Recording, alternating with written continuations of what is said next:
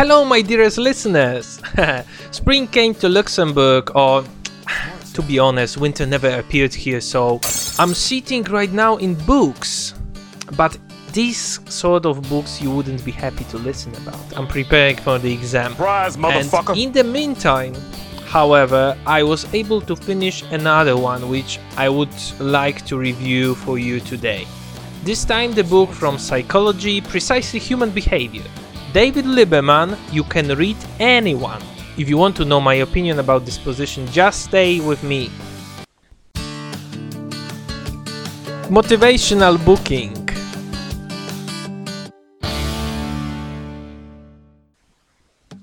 Before buying any book, I always check ratings of the other people to know if I'm losing my time looking at it or it's just worth to go through.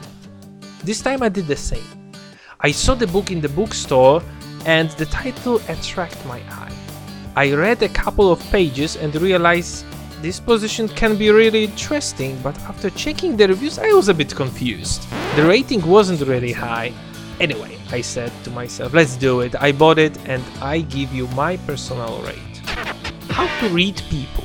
This is an especially fascinating topic for me since I regularly started to read books.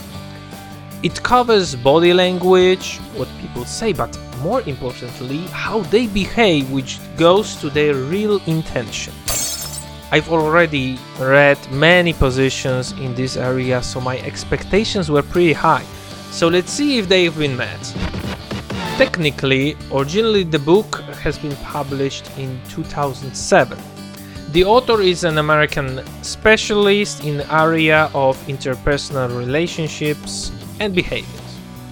Great, it's my subject. He holds also a PhD in psychology and he acts as an expert in many companies as well as TV shows. It's going better, but it doesn't mean that he knows how to write books. So I'm praying for easy and catchy language there. I'm even more excited as the book is not so big. My version has 200 pages, usual book format, and has 15 chapters, which I believe is the perfect split. Let's then go inside. What is it all about?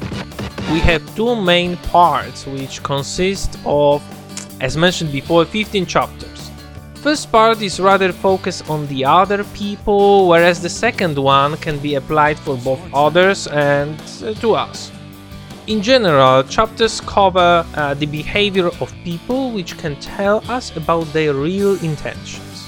We have the techniques to find out if somebody hides something, likes something, or he or she is really confident or just pretend, and many many other stuff.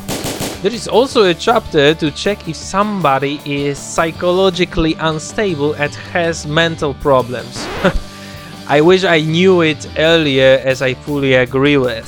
Then you're jumping to the part when you can analyze the personality of the other people and thanks to that answer many potential questions about the particular person only on the base of the evaluation of his or her self-confidence self-esteem and the level of interest in particular subject those three things are basic, he calls that colors of thoughts.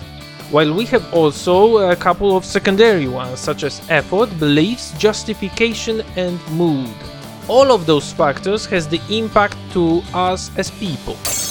That was very impressive to find out and see how these factors work on the high or low level and it defines every person. I don't want to summarize the whole book for you, but that was the extraordinary discovery for me, especially when you get what all of those factors mean. Surprise, motherfucker. This also helps you to understand people around you. Uh, so you can easily evaluate all of the people you know well and answer to yourself whom they really are or why they are like they are. Of course, that's only a book, we need to have some sort of reserve always in mind while reading. However, I do see that it can actually work what make this knowledge really useful. And as well, my prayers have been answered, the language of the book is easy. The cool things are examples really mushroom in the first part. You start to read a sentence, short description, and bam, real life example. and immediately the other sentence, the other description, and once again, bam, the real life example. You can easily catch what he's talking of. That was the thing I liked the most, I think, when I've seen this the first time, and I really enjoyed it while reading. You can imply this knowledge everywhere to your personal life, your workplace, to you as a human being to know what things you should be aware of or what characteristics make you just a better person. And really quickly 200 pages pass by. Seriously.